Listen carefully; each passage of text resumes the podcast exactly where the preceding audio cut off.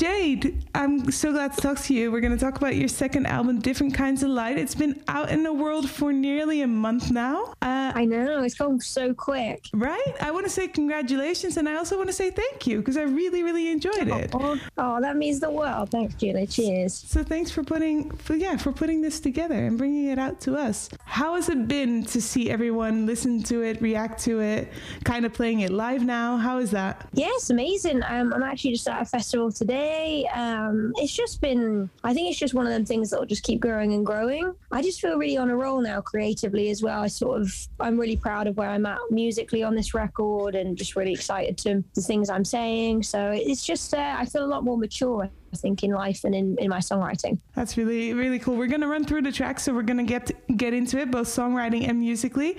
Uh, is there anything you want to say about the album as a whole, or do you just want to go through it as we go through the tracks? Um, I think you'll start to see the themes as a whole as I go through it track by track. Uh, it's mainly to do with my attitudes towards uh, a love, not to be too cliche, but I was very cynical on my first album, and this sort of has a bit more of a shred of optimism that I feel we all we all need a little bit now. So that's probably the main the main theme, and, and, and but I'll put it more eloquently in my track by track. Sounds good. We're gonna start. so the first track, yeah. um, DKOL, I think is how mm-hmm. we're calling it. It's basically an intro to the album, right? Yeah. It's kind of, I mean, DKOL stands for different kinds of light, I assume. Is it just yeah, to avoid yeah. a double track title? Is that why we're going with the abbreviation? Um, basically, it was the first piece of music we made for the album when we knew we were making. Well, we didn't even know we were making that album mm. yet. So I had the, I had different kinds of like the song I'd done in a really small demo session, and we took the stems and ran it through a modular synth in my mum's backyard. She had this um, new shed that my stepdad had sort of built, and so me and my partner sat in there and just were messing around with this new technology, and we made something that I often feel is in my brain, in my subconscious when I'm dreaming or you know com- coming up with an idea or high or whatever. I feel like that's how music sounds to me. So then I found it really important to like bring people into the world before we got started. You know, it's it's interesting because I um, you have a series on your YouTube with a couple of videos where you go into the songwriting process about different kinds of light and Houdini as well, mm-hmm. and you go really into the musical side of it. And you, I mean, I recommend anyone who is interested watch it because you see, you hear all the different bits of the track as well, which is really interesting. Yeah. But it was really cool to hear the haunting kind of uh, piano bit behind it, which features in this little interlude as well, right? It kind of sets this yeah, totally. this sentiment almost. I, I kind of felt like it was kind of like this playground fair kind of thing but after dark like when everything's shut down and then but that's just my interpretation mm. but i could really no, no, see yeah, it totally. yeah it's very eerie i think yeah yeah that's the word it's very eerie yeah was it always the plan to put it as like an interlude or was it afterwards where you're like hey I think I always loved the piece of music, and you know there were a few conversations on cutting it down because you know it was a few tracks and stuff. But I just really loved I loved what we made, and I couldn't really change it. Um, so I think I really loved what I did on Something American when I sort of joined it up as a piece of work. So it was always the plan for me personally to do a similar thing, be that midway through the album or at the beginning, like it ended up. Yeah. Hey, um, would you prefer DKOL to be straight into Open Up the Heavens? Because then we'll talk about track two right now. Or would you prefer it to be a standalone piece? Uh, straight into. Straight into. Okay, then let's talk about track number two as well, which is Open Up the Heavens. This one packs a punch.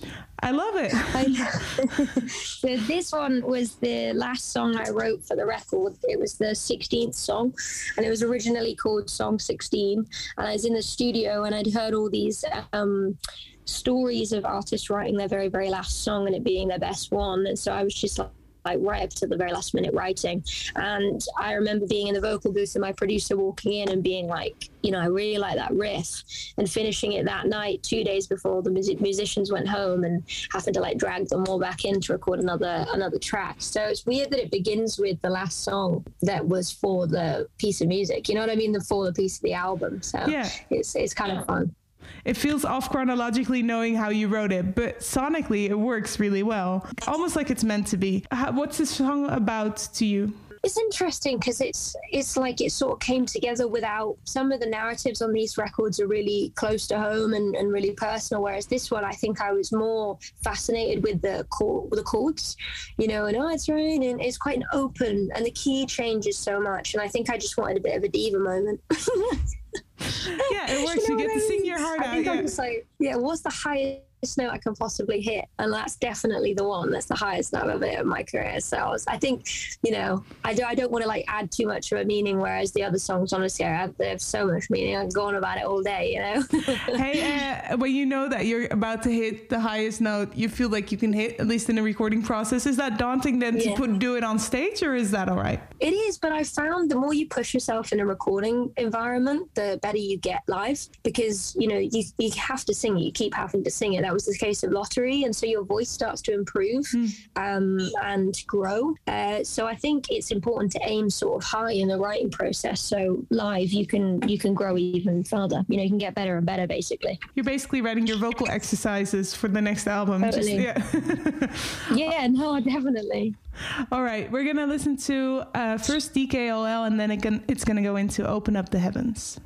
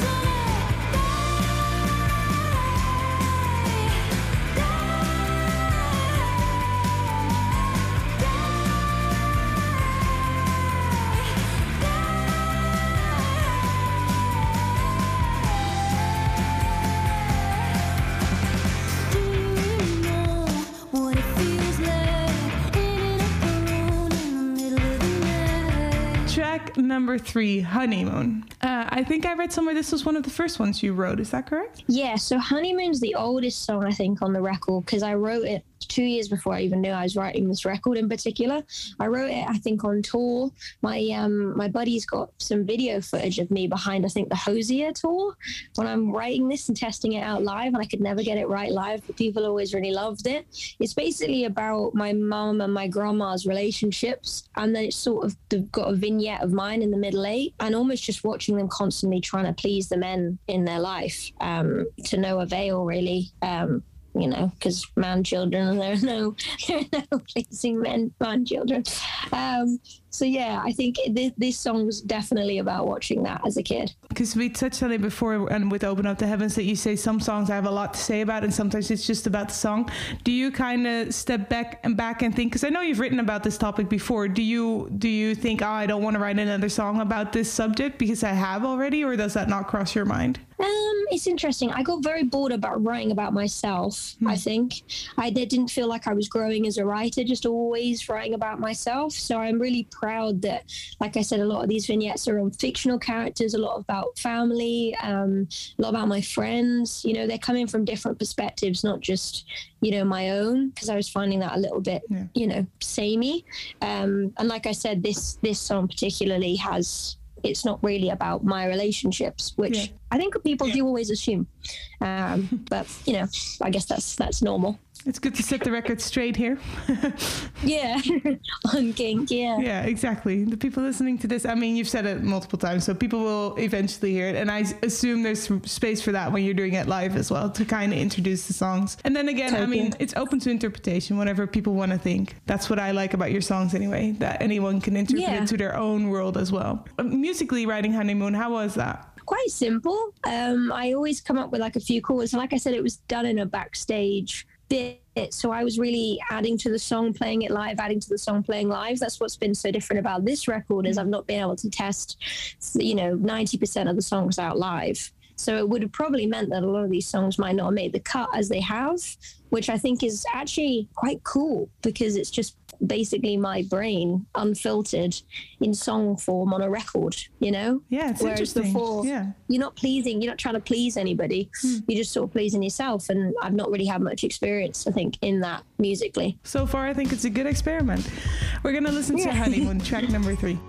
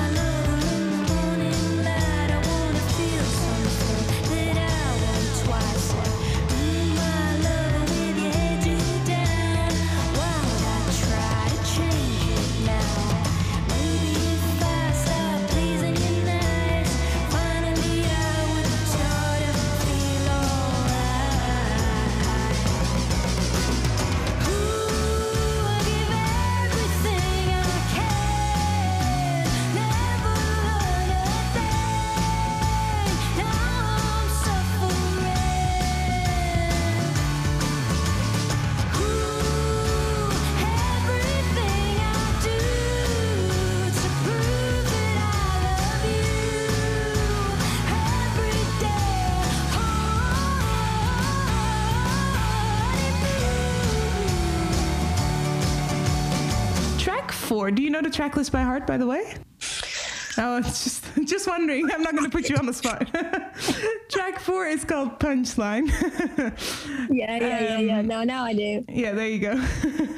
um, how did this track come about? So Punchline, I wrote in Mexico City um, before I was recording. Two weeks before I was going to record. I think it was very inspired by like a Bruce Springsteen, Tom Petty esque approach to songwriting. Very about small towns, which I have kind of a lot of experience in. I lived in one for you know eight years in South Wales Wales. And I had this this couple in mind and i had this idea of a guy sort of having this midlife crisis in effect but in this scene of him sitting in the car and then the woman you know really holding the relationship up while this guy is trying to work out what he's been doing for the last 20 years.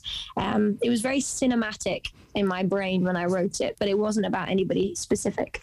It felt very cinematic the first time i listened to it and read the lyrics with it. I, I could really picture what you're writing um, mm-hmm. and yeah, like you touched on, because before your your songs used to be semi autograph or bi- autobiographical yeah. or, or biographical.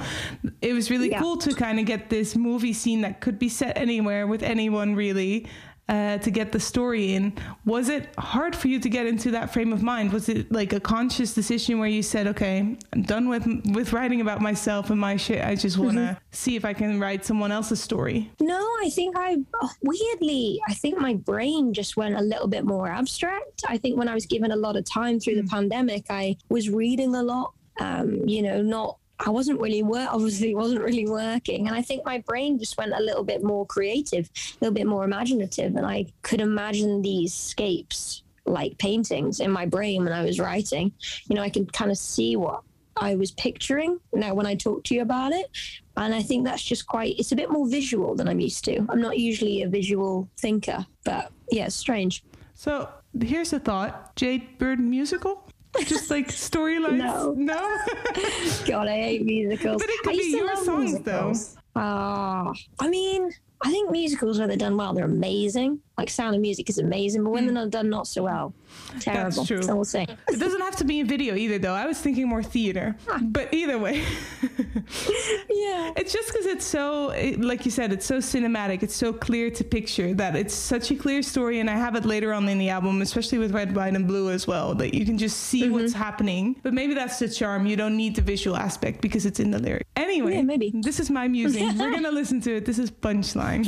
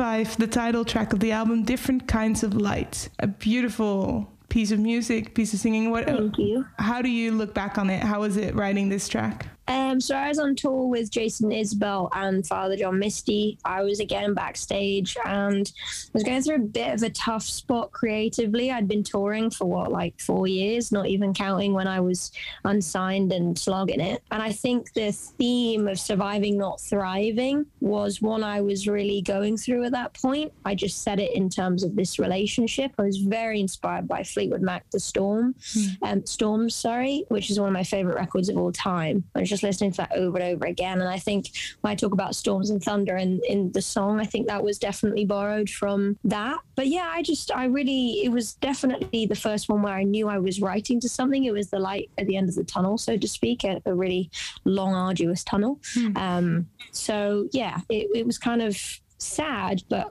also a premonition to everything that was going to happen. I think what's interesting and I've I've heard you say it in other places but what I thought it was really interesting about the song is your singing is very I wanted to say understated but I don't know if that's what I mean but I mean it's very yeah. kind of held back to what you usually did or on the first album um, mm-hmm. which obviously is a conscious decision how did that come about basically I went with Dave for like three Dave Cobb the producer of the record I went with him for three days in the basement studio he had, and it was to try out. It was basically to test to see if we had a good working relationship. And and I think I chose quite vulnerable songs, and also I think I was quite nervous. And but it added to this kind of un, you know uncertainty of the record. Like Houdini was one, um, different kinds of light was one. I think Head Start. So it's like a batch where I got to explore a different kind of vocal mm. that I'd done before because usually I'm so certain, so hit hit every note so like you know exact. So i really enjoy that about these records. They're very they're like more like people i suit i really admire songwriting wise like elliott smith or uh, you know karen dalton. You know it's quite broken vocal i really yeah, enjoy. vulnerable. Yeah. Mm. It's very, and that makes it very, I want to say approachable. I don't know if that's, the, but that's how I feel to it anyway. It, mm-hmm, it makes mm-hmm, it very, mm-hmm. I don't know, I connect to it, I guess. Well, I'm really happy about Maybe that. It's I mean, emotive. yeah. Yeah, uh, yeah musically because i know um, i mean like i said i i heard where you talked about you know the piano bit which is very understated and kind of morphed which makes this eerie sound um, is there anything else about the process that you'd like to touch on um, of this record i think the musical process is all live.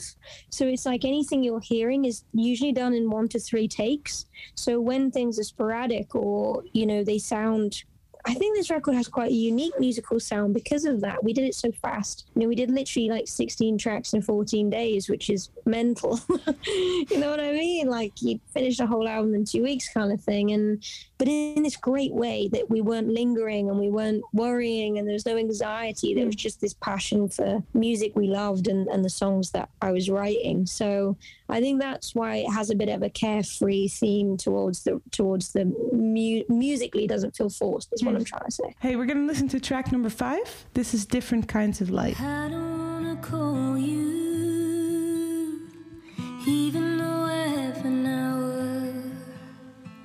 We've been surviving, not thriving, honey, living on time that's not ours.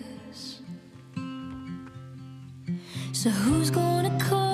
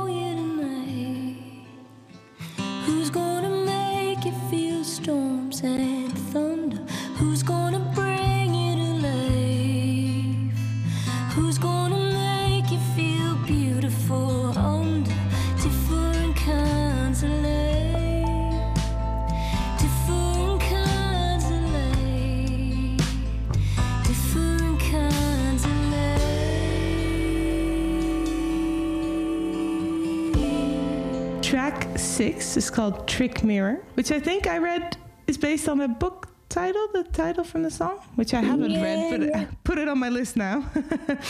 you want to talk about it the... Oh, you haven't read it either. No, no. I was in a I was in an Airbnb in upstate New York and it was kind of it was really heavily snowing and we needed to go into one before we went into the other, into mm. the shed that I wrote everything in and this one was a a couple of writers.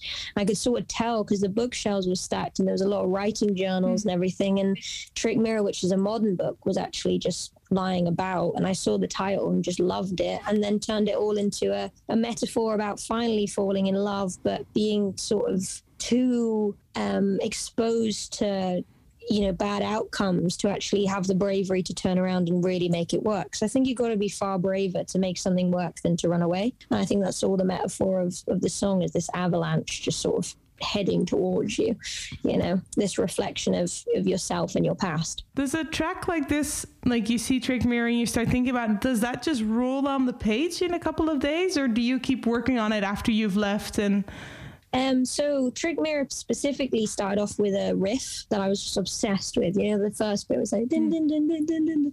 I was just obsessed with that, and I was desperately trying to like fit it in. And it took me a little while. It was like a bit of a hodgepodge that one because I was really just wanting to finish it I love that riff so much. But sometimes I'll spend a bit longer with my partner and we'll rewrite things. So like Houdini, we rewrote the middle eight, I think, and the second verse. Um, whereas some things I just write instantaneously and it jumps off the page and I'm just super happy. Um, but now I'm older, I spend more time on writing things. I don't just throw it in the bin like I used to do. I had um, uh, an interview with Jungle recently about their Oh, latest cool. album, and um, it was interesting to me. He said something. He said a song to me. It's obviously very personal, but to him it was like a block of cement. And he's like, when I first start, it's like it's very easy to mold, and I get into it. But then if I leave it for a while, it's so hard. You have to really chip away at it to actually get something out of it. But he's like, sometimes it really is worth it. So I try Yeah, and keep yeah, to yeah, it. I thought that was a really Oh, that's a interesting metaphor. analogy. Yeah. Yeah, yeah, yeah, I like it. Listen, we're gonna we're gonna listen to track number six. We're gonna listen to Trick Mirror uh, right here on Kink. See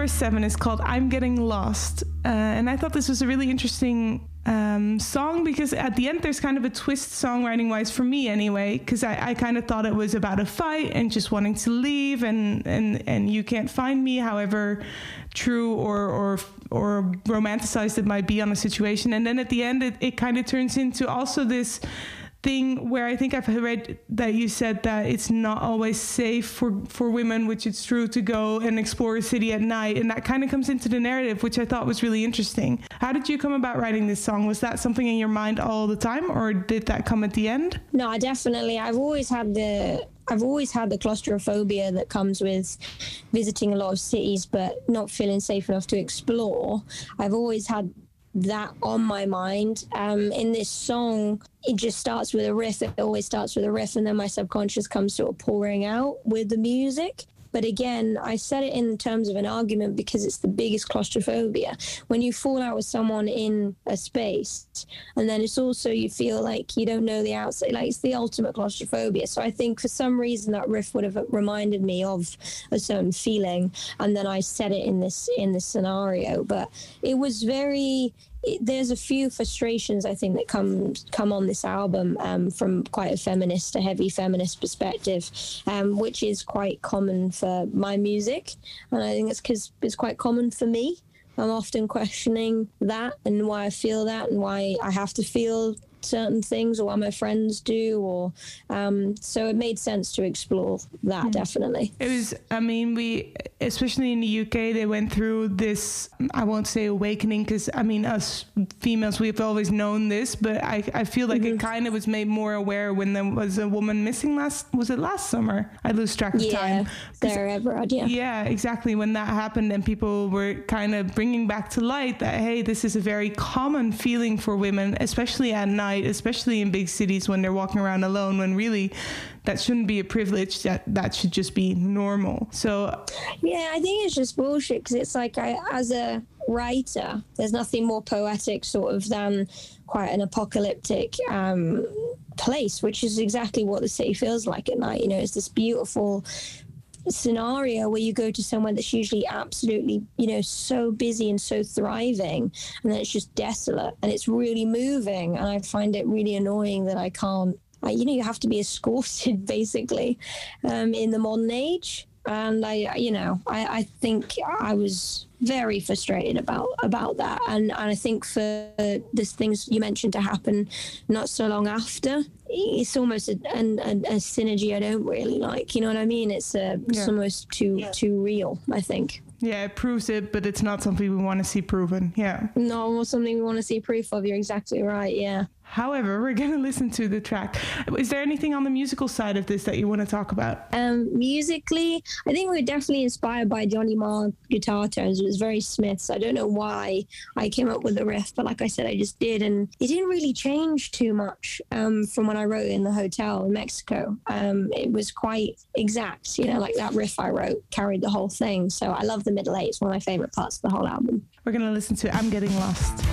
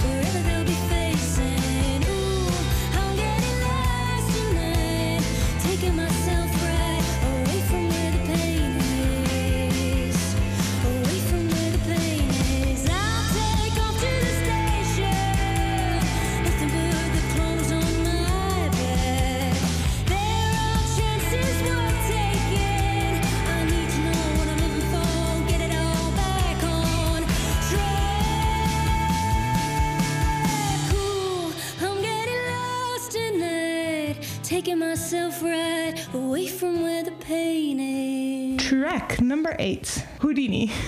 Well, Houdini is definitely the most personal on the record. I set the verse in um, an argument I was a part of as a kid with my parents, and I very much had that in my mind. And then I came up with what for me has become the perfect metaphor for the male figures in my life, sort of doing a disappearing act. I was hoping it would become less relevant as I wrote it, and it hasn't, which is annoying. Um, but yeah, I think I think I'm really proud that this is one of the only ones about my past on the record, and it was one of the first ones I wrote. So it's almost like putting a bit of an ending chapter on it. And I never know with my life. I'm sorry. I'm sorry to hear that it's still relevant, but um, Oh, here's no, hoping. no, here's hoping that some people will learn from past mistakes. You know. Yeah, exactly. Um, this one you recorded, like you said, in the basement, in the same vein as different kinds of light, and I feel like the vulnerability. I mean, obviously, if it's a personal song, that'll be there, but it's also there in the vocal. Um, how was the musical side of things created? How was the musical side. It's uh, it's again very straight. It's very normal process. Like I'll play them the song and we'll get a few references. I think I, what I love about this song the most is it's so it's very casual and it just allows the meaning to go to get through. I can really say how I feel, and the middle eight especially feels very focused when I sing it on stage. I can sort of really, you know, make it very pointed at the person I'm singing it to, mm. which is really important that it wasn't just drenched in production or whatever. Also love the mellotron on this. I think we chose like a voice choir mixed with something, and it gives it this real darkness that I wanted. Mellotron is like this keyboard kind of thing, right? Yes, yeah, it's like what the Beatles used. It, it, it use it uses a sample of um, say flutes or something, and you can you can it, only lasts a certain amount of time, so it literally stops. It doesn't hold the note forever, yeah. Yeah, yeah, yeah, yeah. So it's just this fascinating instrument. Hmm. And you can put any or any sound that's in it, you can use it, so you can switch up what you want to use to. Yeah, Can you can you put your own samples in it as well? Are you able to? I think technically, I um, I wouldn't do it because the samples that are on there are so Hmm. like they're so of a time. Like there's a reason Strawberry Fields is like the. Iconic. Mellotron. Yeah. So, yeah, but I think you probably could. Interesting. Okay. Well, we'll have to figure that out sometime. Yeah, Just yeah. play around with it. For now, we're gonna listen to Houdini. It's a quarter to three, and it's clear, clear to me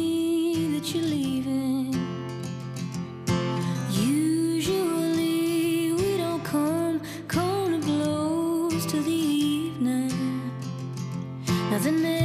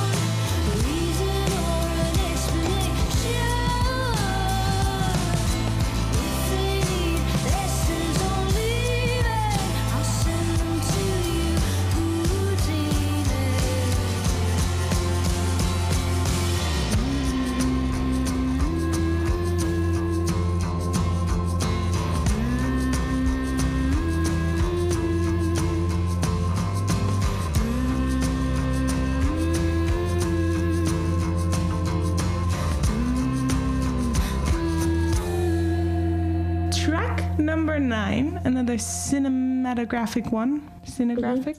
Cinematic, yeah, yeah, yeah. Cinematic. I, I'm like, I'm putting extra syllables somewhere they don't You're belong. fine, Track number nine, another cinematic one. Um, number nine, or 1994. This one I read is about Bonnie and Clyde. Am I correct? Yes, basically it was set in my brain. It was a sort of bank robbery, and I was in, the, you know, me in a fictional character sense was, you know, sat next to this very uh, aggressive, uh, probably partner character. Um, but it's quite dark, but I kind of love it. It reminds me like Mick Ronson guitars. It's a little bit Bowie-esque in the way it's just so abstract, so out there. So yeah, I, I, I just I really enjoyed playing a character on this one. Like I said, it really paints a picture. It's kind of, it's kind of like almost like a Western movie out there somewhere. Yeah. I also like the fact, or I don't like the fact that it's aggressive, but I kind of like the gritty side because there's a lot of like hopeful and sweet moments on the album and quite vulnerable. Yeah. So it was nice to have this palate cleanser, I guess, to have the different Yeah. side of it. Is there any particular reason why it's at this place in the track listing? I know track listing is always a bit of a a bit of a bitch. Track listing this album was so hard because I chose not to get rid of a lot of songs because I really felt like every song said something different about me and where I was going or where I could go. So I, you know, I didn't cut it down very much at all. Um, so it was a lot of work to, to get it to fit together. I love how musically I quite like a break. You know, I kind of like how everything's grouped. It's almost like I call these songs the blues songs, like the really guitar ones. I'm getting lost and 994. My favorite part musically on this is definitely again the middle eight. I really love the way the cymbals give it that kind of lift. It's like you don't know where it's going, um, and just the chords. I, I just love the chords on this one too. Hmm. I think the middle eight is supposed to be that part of a song where it really brings you there, right? So it's not weird that, that Yeah. that's the bit that you like a lot on all the tracks because Yeah. that's what it's supposed to do. It's supposed to lift you to an even higher place and end on this climax for most songs anyway. Totally. I just I love the lyrics. Like as I handed the check, I tried to relax. Um, you know what I mean? You've really you're really there in this sort of bank robbery esque thing, and I think I'm really proud of writing that. You should be. We're gonna listen to it. This is you. 1994.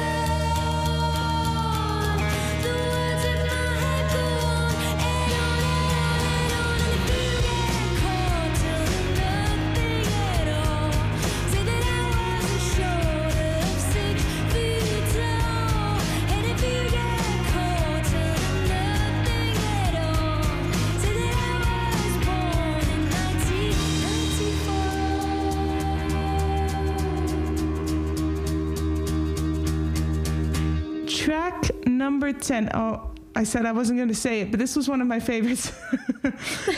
Track number 10 is uh, Now is the Time. I think it's Yeah. because it's so hopeful, albeit from one little kind of gritty sentence with the, my mouth full of metal, which made me giggle. Um, yeah, yeah, yeah. I'm not sure if I got fully the right reaction, but it made me really happy. And then it made me smile that there was that little bit of, I don't know if it's cynical, but it's kind of like a bit more grim, right? And then just happy and Yeah. hopeful. Yeah. I love I love this record. It's the only record I've ever really sat in the studio at the control desk and just like smiled my face off. Like I couldn't stop smiling when I wrote it when I heard it back. It just we took a lot of Bee Gees um inspiration from like the triple tracks. That's where you track the main vocal three times and give it that extra punch and also like quite a disco beat. You know, we we, we played it quite robotically. I missed that actually about 1994. We made the drummer play as if he was in like Kraftwerk or something with like um, straight arms, so like it was krautrock. And he, we didn't let him move his elbows or bend his elbows, so he plays the beat like dun dun da dun dun dun da dun dun, and it's just like this great way of getting this, you know, kind of sample drum, but with a live drummer. So hmm. I I totally missed that about 1994, but now's the time to say hmm. it's. Uh, I don't know if you know the story about the Bee Gees, but on their most famous track, the drummer didn't show up. So they had to use a sample, and that's why that's what gave it the disco I kind of did feel. not know that. That's so Yeah. And now, now musicians are trying to recreate it, but with a live drummer. That's hilarious. Exactly. That's- exactly. Yeah, yeah, alright. yeah. No pressure to to your drummers. How's that going live? Is that a challenge? Drummers are the hardest to find live. Drummers are first for my project because they have to do so much. They have to do like a songwriter kind of Americana song, and then they have to do like a krautrock, you know, drum beat. goes everywhere, It's always yeah. asking the world. Yeah, yeah. Um, but now's the time to be specific about the meaning. It's about trying to invigorate somebody in my life and who never ever believes in themselves. And I remember sitting at the foot of the hotel bed and just having this real image of my partner getting up and just being like, really wanting to shake him and be like, "You're great. You know, now's the time. Go and get it. You're amazing." And that's that's what it's about. I think I keep hearing people have to. I I forget affirmations. That's what it's called. You know, when people have to stand in front of a mirror and tell them, you know, you look great, you're doing great, whatever. Um, Yeah. If you can't, if you're someone that does this and you just can't get yourself to do it in the morning, I reckon this is the song you should listen to Yeah, just to give you that little, definitely. you know, I like that. yeah, Push. Yeah. yeah, that's it. So we're gonna listen to it. Now is the time.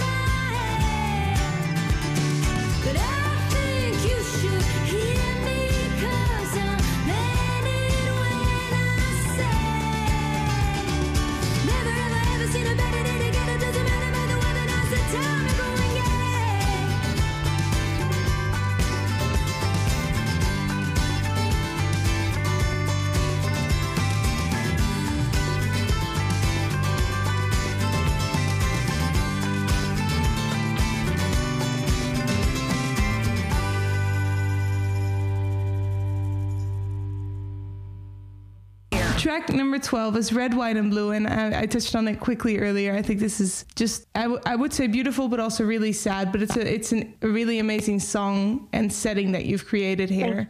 Um, would you share with us how this came about? Yeah, so I was writing in upstate New York, and my partner was going to go buy a guitar from Virginia. Um, and I was a bit like, oh my God, a British lad is going to go and fly to Virginia on his own to buy a guitar. He's never coming back.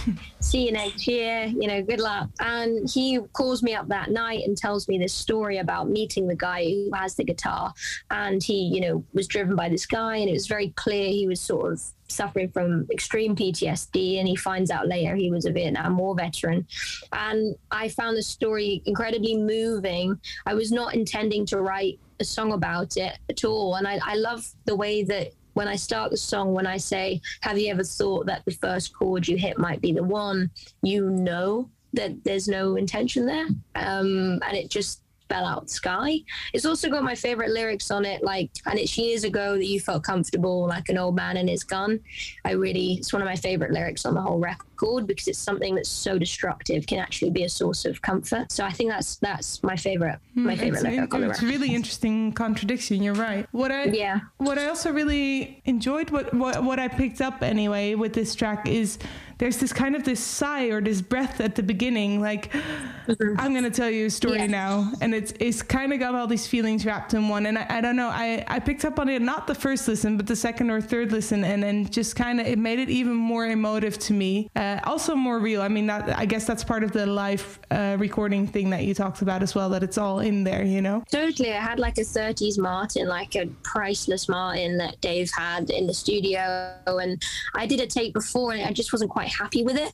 And then I just sat back and I was like, I want to do it again. I want to do it again. And he was like, Really? And I said, We've got it. And I kind of sat in the studio. And when you hear me breathing, it's because I'm like, like, I need to get it now. Like, you know what I mean? I really need to, to get this take. And then it just happened. It's uh, it's. gr- I don't want to spend too much time over analyzing it. It's just a Yeah. beautiful song with a beautiful story. So we're gonna listen to it. This is Red White and Blue. Have you ever thought that the first chord you hit might be the one?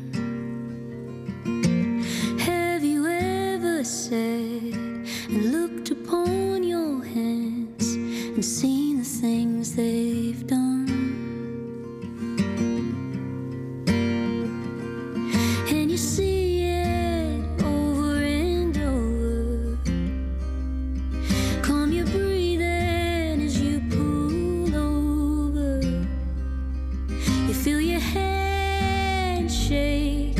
Your body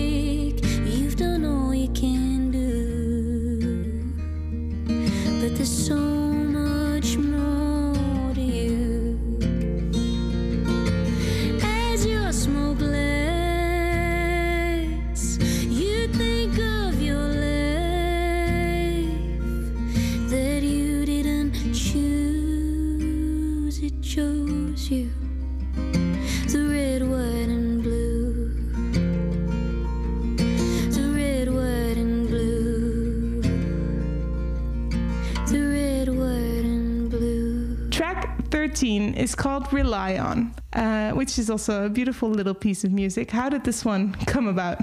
Um, Rely on it was written, I think, in the shed, the, the nice shed, um, and you know the snow as usual. And I wrote it. It's a love song, and it's about being there for somebody. And I think it's about being on the road with my partner for the last four years and feeling like he's got my back and I've got his back. And you know, I really love the lyric um, when the lions move because I like the fact that it's sort of like a gladiator ring. You know what I mean? And you know, if you need me to lie when the lions move, I really just get a gladiator esque thing in my brain. And I also love in the middle eight, the Don't Be Scared, I'll Be There. It's his voice. So it makes me very emotional ah. because I'm like, yeah, because it's sort of like we're saying it to each other. So I really, I really like that. I hadn't clocked it, but that's really cool. Yeah. That's that's a good perk of having your partner, you know, being able to sing with you. Yeah, wouldn't have worked if you couldn't sing, yeah. yeah, no, I don't think you would have done it if you couldn't have. No, but it makes it it makes it even more emotive. That's really cool. It's uh, it's interesting because the gladiator lions kind of metaphor. It also, I think I read somewhere that you said it's a brutal love song, and that's really how it feels. Like it's a love song, but it's also got this aspect of love is not just like oh la di da lovey dub. It's like it's got this heavy aspect of it. It's not just Oh, easy. totally. You know, I like, I really like the lyric, um, cause a scene, no, I'll make a small incision. You know, they're no good for you, so just put them down. It's about my partner always smoking cigarettes. And it's like, I'm not trying to make these huge changes to him as a person. You know, you're not trying to cause a scene or change who he is. But it's like, when you love someone like you do, you just want them to be there forever. So it's like these small incisions you make on somebody you love. Even though they never bloody work anyway, still smoking. But You try, I just kind of like the yeah. way I said it. Yeah. Yeah, that's beautiful. Um, we're gonna listen to it, and I'm gonna listen out, especially for that last bit, then to see if I can hear your partner's voice as well. This is Rely Yeah. on.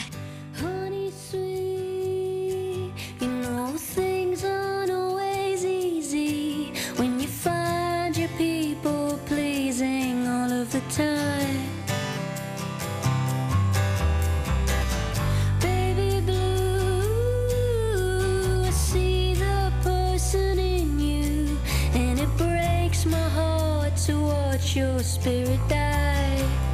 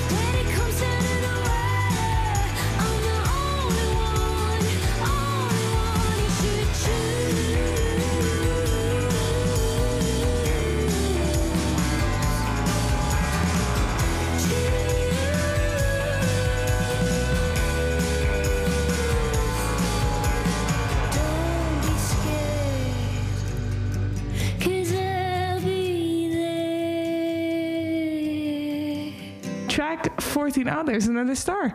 Track 14 is a Prototype. What is this track about? This track really makes me laugh because my grandma, I, anybody who's is a songwriter or a writer, like your grandma or your mum, is always going to be like, why don't you write a happy song? Why don't you write a happy song? And I swear to God, I wrote this song, sent it to my grandma, and she was like, it's a hit. It's a hit. It is. She's not wrong. I was like, I was like, oh, for God's sake, Grandma! I always tell that on, st- on stage because it makes me laugh. It's a it's a love song, you know, through and through. I wrote it. I think I think I remember playing it on Germany before we all locked down in Berlin. So I think I've written this on tour. Can't quite remember. Maybe finished it. Um, you know, some point this year. I just really love it. I just really love that we've got a harmonica. I really love the way we play it live. I really love we sing in harmony. We actually did it in the same room. So me and Luke tracked in the same room. So our harmonies are both live. They're not overdubbed, um, which as you know, when you do a live take, that can be quite hard because if one of you balls is up the harmonica, the whole take is unusable. It's really interesting to hear that you guys kind of took the live recording and just ran with it, and it worked out well in the end, Yeah, right? yeah, totally, definitely. We're gonna listen to it. This is Prototype.